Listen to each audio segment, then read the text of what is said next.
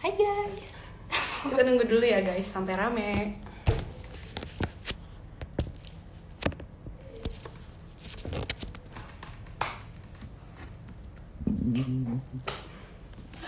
Hai semuanya, Andika Didi di save.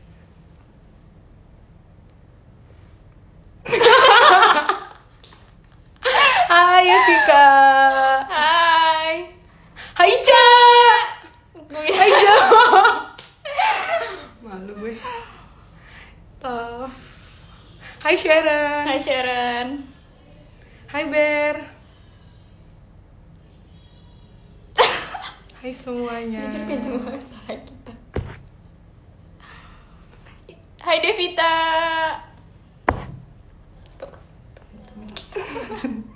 Sabar ya guys, kita masih nunggu dulu sampai agak ramean lebih di, rame dikit lagi. Sampai 7 lewat 3.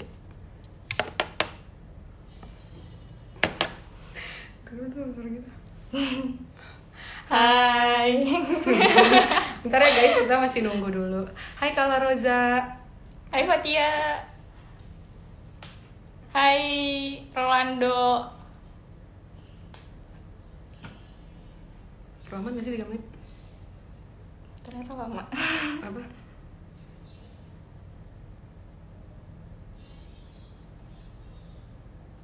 Beneran suaranya. Ini suara gue cempreng banget ya. Hai guys. Hai Fana. Jadi guys kita mau podcast nih malam ini.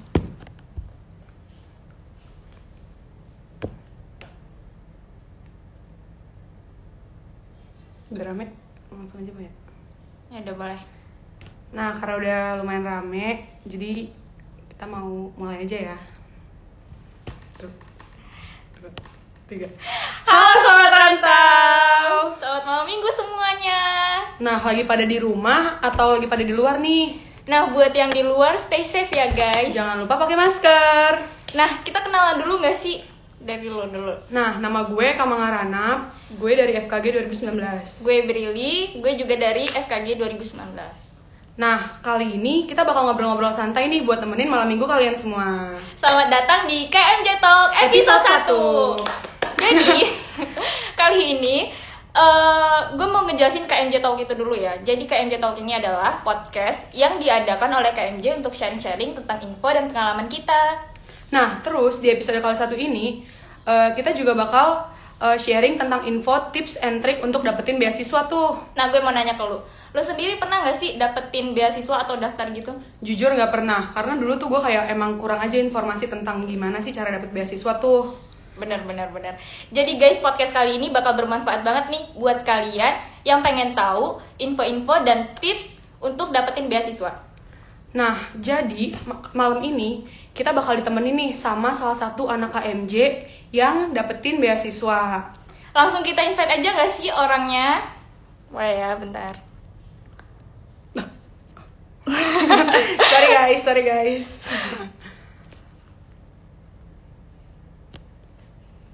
Bentar ya guys. Nah, terus buat kalian yang mau nanya-nanya boleh langsung komen loh di sini. Nanti kita bakal jawab-jawabin. Benar benar.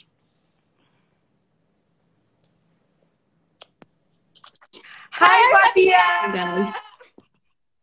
Halo guys, apa kabar semuanya? Baik, lu boleh kenalin diri lu dulu dong nih Fat, kan gak semuanya tahu lu. Oh iya, oh iya boleh boleh. Ter, oke, oke. Halo semua, nama gue Fatia. Gue dari FKG 19 juga, sama kayak mereka berdua.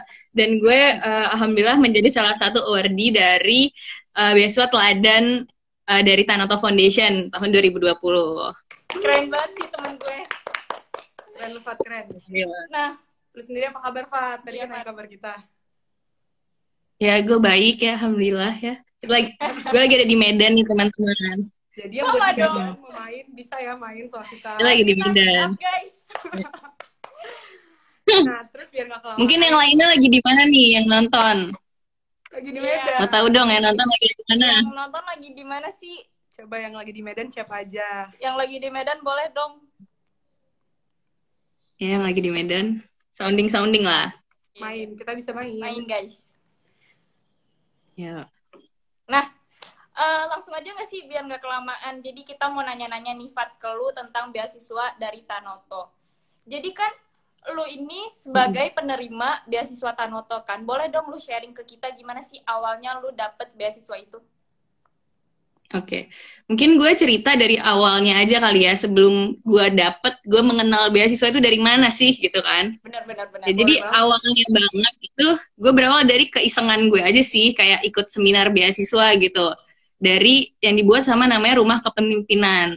Oh, nah iya. dari situ tuh gue baru tahu tuh kalau misalnya ternyata beasiswa itu dia nggak cuma buat nggak cuma buat orang yang apa namanya nggak mampu aja ternyata untuk orang yang berprestasi juga ada gitu kayak misalnya beasiswa Kemendikbud unggulan terus juga beasiswa eh, karya Salemba 4 terus juga beasiswa Jarum XL Future Leader pokoknya banyak banget sebenarnya beasiswa di luar sana gitu. Nah sejak gue gue apa ikut kan jadi banyak tahu gue jadi kayak kayak pengen coba aja gitu. Karena kan beasiswa itu sesuatu yang hal baru kan bagi mahasiswa baru. Benar ya kan? Karena di SMA kita belum pernah tahu tuh ada beasiswa atau enggak gitu. Benar ya banget. udah terus gue daftar apa terus gue eh, lihat IG-nya anak usu tuh waktu itu. Kebetulan ada pendaftaran teladan itu sendiri. Dan gue lihat persyaratannya itu mudah. Kayak cuma masukin eh, rapot kelas 12 dan nilai UN aja. Ya udah karena gue mau nyoba ya kenapa enggak gitu kan? Karena persyaratannya juga nggak susah. Ya udah gue coba dulu aja. Terus di tahap satu gue coba alhamdulillah lolos di tahap dua. Nah setelah di tahap dua itu gue sebenarnya banyak banget teman-teman dari fakultas dari FKG itu yang lolos juga. Nah tapi itu kayak ya udah ngebuat diri gue jadi kayak nothing tulus aja gitu. Kayak kalau dapat syukur kalau enggak ya udah nggak apa-apa gitu ibaratnya. Benar tapi tetap kita lakuin yang terbaik gitu. Misalnya kayak disuruh buat esai kita ngel- ngeluangin waktu khusus ngebuat esai dan ngebuat itu harus apa namanya sepenuh hati gitu lah ibaratnya. Nah terus kita lanjut ke tahap ketiga. Alhamdulillah lolos juga. Terus tahap keempat lolos juga. Nah pas di tahap keempat itu eh, gue tuh kayak kan mulai ketemu tuh sama peserta lain kan karena di tahap wawancara yang di luar Nah itu tuh pas FKG. itu tuh ya yang di luar FKG. Nah pas di situ gue udah kayak mikir pesimis lah gitu kan ibaratnya karena teman-teman yang lain tuh keren-keren banget dan yang dipilih itu 150 se Indonesia gitu ibaratnya. Jadi Wow. kayak Keren. ya udah kalau nggak dapat juga nggak apa-apa kayak gue mengapresiasi diri gitu kalau misalnya gue nggak dapat ya gue udah cukup keren lah gitu di tahap 4 gitu lah ibaratnya. Ternyata pas di awal tahun kabar baik ternyata alhamdulillah gue dapet gitu guys mungkin secara umum dulu ya ini gue cerita biar nanti semakin mengulik ke dalamnya Iya. nanti Nah, terus kan eh, lu sendiri kan tadi bilang persyaratannya tuh ada rapot sama apa tadi ya? Rap- nilai UN rapot sama nilai UN. Nah, terus eh, maksudnya selain di luar itu persyaratannya kira-kira ada lagi nggak yang ribet-ribet atau gimana gitu? Hmm, kalau persyaratan dari Tanoto secara umumnya ya dari pertama kali kita daftar tuh cuma eh, jadi tuh teladan ini dikhususkan programnya itu untuk mahasiswa baru nih sayangnya untuk mahasiswa baru. Jadi yang daftar itu hanya boleh mahasiswa baru di 9 9 universitas yang bekerja sama sama Tanoto Foundation. Nah, itu tuh apa aja? Misalnya kayak UI, terus juga ITB, terus UGM, terus Undip, UB, terus juga Unri, Universitas Andalas, USU, terus satu lagi IPB yang belum disebutin. Itu sih. Terus Berarti sama rata-rata rapor. Kenapa? Oh ya, mahasiswa lama. Ya, mahasiswa lama sayangnya untuk program teladan ini nggak boleh karena dia khusus mahasiswa baru aja. Tapi misalnya misalnya Brili sama Eka mau ikutan beasiswa, ada beasiswa lain yang banyak lainnya. Misalnya kayak uh, unggulan itu untuk semester 3 mungkin untuk teman-teman yang nanti lulus semester 3 bisa daftar beasiswa unggulan terus juga beasiswa Pertamina atau mungkin misalnya Eka atau Brili nih tertarik di beas- di menjadi TNI gitu kan. Nanti kalau nggak salah di semester 5 itu bisa daftar gitu. Jadi Oh, sebenarnya beragam banget beasiswa lainnya. Kenapa Eka? Tanoto sendiri berarti untuk mahasiswa lama eh, nggak ada gitu ya, Fat? Dari Tanoto sendiri. nggak ada kalau untuk Tanoto sendiri iya programnya Oh, gitu. Nah, terus Fat gue mau nanya, dari sekian banyak syarat-syaratnya nih, lu ada kendala nggak sih dalam ngumpulin berkas-berkasnya?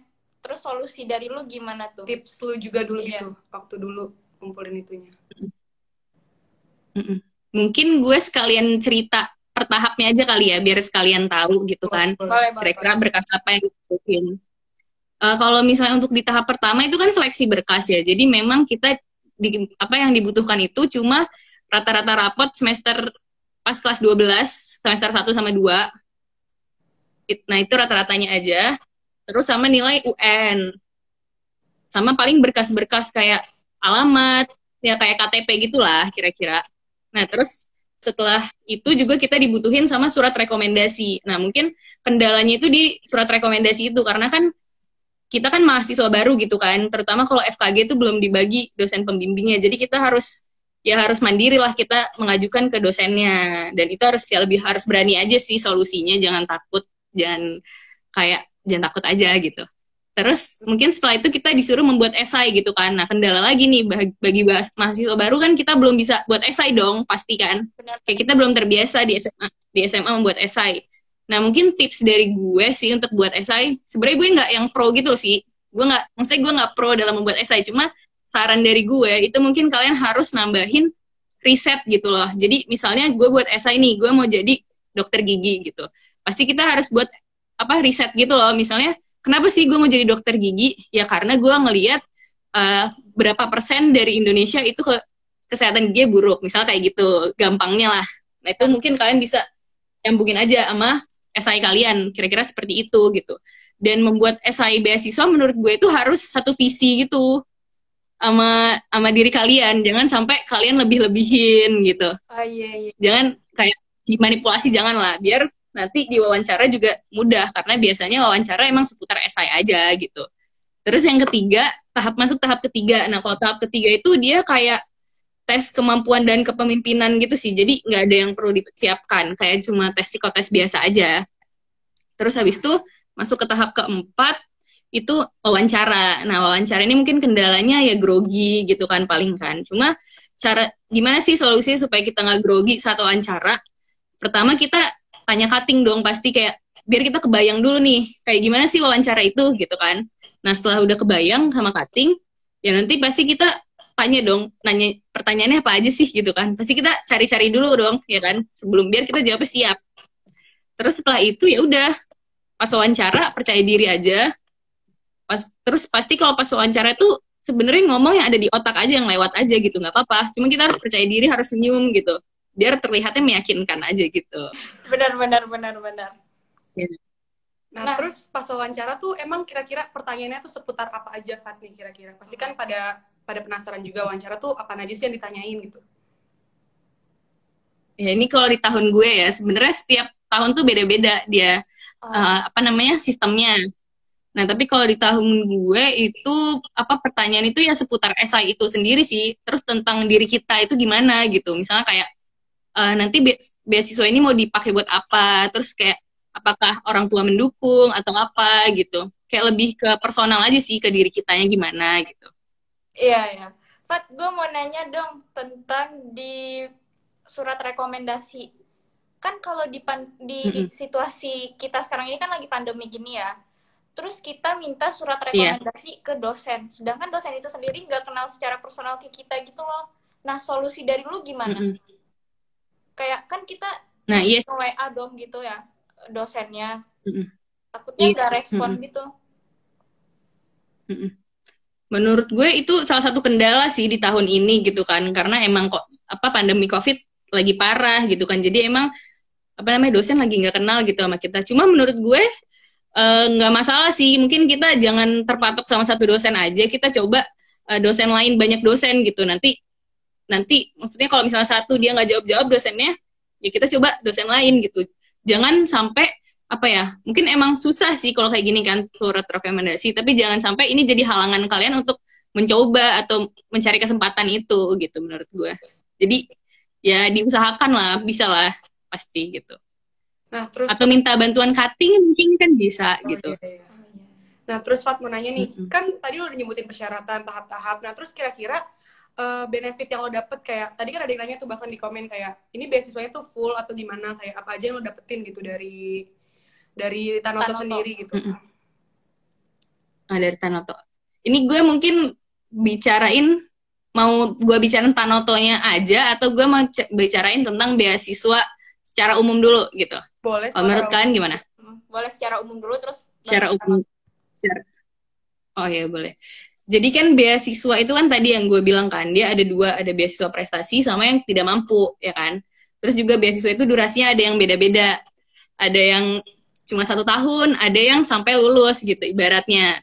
Terus benefitnya juga beragam banget. Ada misalnya eh, berbentuk uang saku per bulan gitu. Contohnya misalnya beasiswa BBM dari USU sendiri. Jadi itu sistemnya eh, kalian daftar misalnya tahun ini nanti dikasih uang saku selama satu tahun, habis itu masa berlakunya habis, kalian bisa daftar lagi, misalnya BBM kayak gitu. Terus yang kedua itu ada eh, unggulan, misalnya kalau beasiswa unggulan itu kayak, jadi kalian dikasih eh, uang UKT full, dikasih apa namanya, mereka memfasilitasi berupa uang untuk kalian kuliah dan juga uang saku gitu. Semuanya itu contohnya adalah beasiswa unggulan. Itu untuk semester 1 dan 3 kalau nggak salah. Terus setelah itu juga ada yang bentuknya training kepemimpinan, misalnya kayak XL Future Leader gitu. Jadi kayak mereka nggak ngasih uang saku, mereka ngasih training kepemimpinan dan juga ngasih kayak fasilitas lah gadget kayak gitu. Terus juga ada beasiswa yang berupa asrama gitu, misalnya kayak rumah kepemimpinan. Jadi kayak dia di ngasih eh, asrama dan juga eh, gimana namanya training kepemimpinan kayak gitu. Nah kalau Tanoto Foundation sendiri gimana sih program teladan gitu kan Mm-mm. pertanyaannya? gimana tuh? Kalau kalau teladan sendiri sebenarnya menurut gue sendiri kayak lumayan paket lengkap lah ya dari hal-hal yang udah gue sebutin. Jadi tuh kita dikasih uang saku per bulan sampai semester 8 sampai lulus. Hmm. Terus kita juga dikas dibayarin UKT-nya sampai semester 8 sampai lulus juga. Dan kita dikasih training kepemimpinan. Nah, kebetulan banget gue dan teman-teman teladan uh, 2020 nih, tadi ada beberapa teman-teman teladan gue lagi nonton ya. Kita lagi program Lead Self Camp nih, teman-teman. Kita lagi program Lead Self Camp, jadi kita belajar uh, gimana apa ya namanya, lebih kayak self improvement gitu loh. Gimana kita menerapkan nilai-nilai dari teladan itu sendiri. Nah, selain itu tuh, itu kan kayak itu kayak benefit utamanya lah dari teladan ini. Sebenarnya kita juga dapat benefit secara tidak langsung juga dari Tanato Foundation karena kita itu juga diberikan wadah gitu untuk mengembangkan diri kayak namanya Tanoto Scholar Association. Nah, nanti di situ banyak banget program-program pengembangan diri dan juga Tanoto Foundation juga kayak me, apa ya? menyediakan gitu ketika misalnya gue pengen buat penelitian mau butuh dana, kita bisa nga- ngajuin proposal ke Tanoto gitu dan bisa kalau di ACC bisa dananya full dari Tanoto gitu ibaratnya. Dan juga kita juga kayak bisa ada namanya kayak summer course gitu yang dibayarin Tanoto. Makanya sebenarnya banyak banget benefitnya. Kalau teman-teman kepo benefit lebih banyaknya lagi itu buka webnya Tanoto yaitu tanotofoundation.org ya teman-teman. Gitu. Oke. Nah, itu penjelasannya lengkap banget ya, Fat, dari lu. Terus pertanyaan terakhir dari kita nih. Setelah lu dapat beasiswa, ada nggak sih syarat lain gitu yang supaya beasiswa lu itu nggak dicabut? Ada nggak kira-kira? Hmm, Oke. Oke. Setiap beasiswa pasti dia punya syarat ya teman-teman untuk beasiswa nggak dicabut gitu kan. Nggak mungkin suatu lembaga ngasih apa namanya ngasih uang mereka secara cuma-cuma tanpa mengharapkan apa pun ibaratnya gitulah ya kan. Benar-benar banget, benar. jadi memang di, di teladan sendiri gimana cara mempertahankannya? Pertama itu IP jadi kalian harus mempertahankan IP kalian eh, di atas 3,25 jadi mau kalian di universitas tersusah misalnya ITB gitu atau di fakultas fakultas tersusah kayak fakultas kedokteran kalian harus di atas 3,25 aja pokoknya. Nah kalau misalnya kalian di bawah nih Panoto bakal kayak ngasih surat teguran gitu. Ibaratnya kayak konsul lah salahnya di mana nih gitu kan. Nah nanti ketika kita yang kedua setelah ditegur kita di masih di bawah nah itu baru beasiswa akan dicabut. Nah setelah itu tuh apalagi sih gitu kan. Kita juga diminta buat aktif juga di program tadi training apa pelatihan tadi gitu kan. Masa iya kita dikasih training kepemimpinan gratis tapi kita nggak ikutan gitu kan sayang juga gitu. Terus yang ketiga juga kita diminta aktif juga uh, untuk di Tanoto Schoolere gitu. Gimana kita ya membaktikan diri gitu. Karena kita diajarin eh, gimana eh, kita yang diberikan lebih banyak kita harus memberi lebih banyak. Ibaratnya kayak gitu. Jadi makanya kita dikasih wadah eh, untuk mengembangkan diri betul betul Nah, Fat, nah itu udah pertanyaan dari kita udah habis ya. Sekarang kita bakal jawab-jawabin pertanyaan tadi di komen. Nah, tadi gue udah lihat nih dari Fadli Al-Habib. Eh, kira-kira anak mandiri tuh bisa nggak sih dapet beasiswa juga? bisa asalkan dia kan mandiri kan termasuknya reguler ya mending eh reguler atau enggak ya kalau dari teladan kalau teladan sendiri itu dia eh, syaratnya itu adalah mahasiswa baru reguler kalau mandiri termasuk reguler termasuk sih harusnya. Kecuali internasional misalnya kecuali dia Malaysia baru nggak bisa gitu. Karena kan yang boleh cuma reguler doang. Harusnya sih bisa sih kalau menurut gue. Karena memang nggak membedakan sih harusnya. Beasiswa mana pun. Oke, terus pertanyaan selanjutnya Fat dari Nurul Hanina. Kalau untuk koas FK atau FKG ada beasiswanya juga nggak?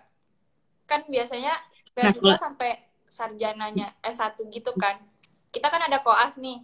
Itu ada nggak beasiswanya? kalau sampai sekarang sih gue belum nemu ada beasiswa ada beasiswa sampai koas sih cuma mungkin beasiswa TNI mungkin akan dibiayain sampai koas mungkin Ikut Kak. tapi gue juga kurang tahu sih kalau TNI dan polisi gimana beasiswanya tapi kalau untuk teladan sendiri cuma sampai SKG doang Oke. Ini ada yang masih mau nanya-nanya lagi nggak? Boleh langsung komen ya guys. Ini nggak apa-apa tanya aja. Oke, pertanyaan selanjutnya dari Ramadan. Pak- eh, dari Bang Ramadan. Banyak gak sih Kak kegiatan di Tanoto dan bagaimana Kakak membagikan waktunya dengan perkuliahan? kalau dibilang banyak eh ya lumayan lah bisa dibilang kan karena kita dikasih training tadi. Pertama-tama kita ada training di Lembang kemarin Februari kemarin. Terus setelah training offline kita di, ada training online-nya gitu. Tapi menurut gue sendiri nggak mengganggu sih karena memang kita dikasih tugas. Tapi tugasnya itu sebulan sekali aja gitu. Tinggal pintar-pintar waktunya aja kita apa ngelakuin itu kapan menurut gue. Dan kalau misalnya untuk eh, TSA Medan maksudnya gue ikut organisasi nih TSA gitu kan, itu dibilang eh, apa aktif juga lumayan aktif, tapi juga ya sebenarnya ya itu pinter-pinter bagi waktu aja. Kalau gue sendiri kan bukan deadlineer, jadi ya kalau bisa tugas, misalnya tugas atau mau tugas organisasi atau tugas kuliah, pasti gue utamain dulu kayak gue buat jadwal dulu, misalnya yang duluan ujian, terus habis itu ada ini apa? Ada namanya organisasi gitu. Nah, gue belajar dulu, abis itu gue kerjain organisasi, abis itu pas ujian ya gue tinggal ujian aja gitu. Jadi ya kalau bisa ya buat timeline aja lah, kira-kira gitu. Oh gitu. Ini masih ada yang mau nanya nggak nih? Masih ada nggak guys yang mau nanya? Kak, jam saya bisa beasiswa nggak kalau jadi deadline? Bisa lah, tetap bisa. Tanya yang pendekatannya. Oh, nih ada yang nanya sih. Sebenarnya ini kayak mungkin tergantung orang juga sih, tapi nggak apa-apa ditanyain aja. Kak, gimana sih caranya pendekatan sama dosen biar mau diminta bikinin surat rekomendasi dari Rolando? Wow. Gimana ya pendekatannya? Karena gue juga Nggak susah sulit Fat. juga sih gitu kan. Iya, karena susah sih pastikan apalagi mungkin apalagi secara daring ya. Kalau daring gue jujur aja nggak tahu karena kemarin pengalaman gue untungnya offline. Jadi kayak ya udah datengin dosennya, ya mukanya ini agak kocak sih. Mukanya ya melas agak melas gitu. Nanti dosennya pengen pasti gitu. Ya iya iya aja gitu. Ibaratnya sebenarnya ini sangat tidak membantu ya. Emang masalah dosen ini agak susah. Sharing pengalaman lu. Iya, emang masalah dosennya agak susah. Terakhir Hmm. dari Riris deh nih.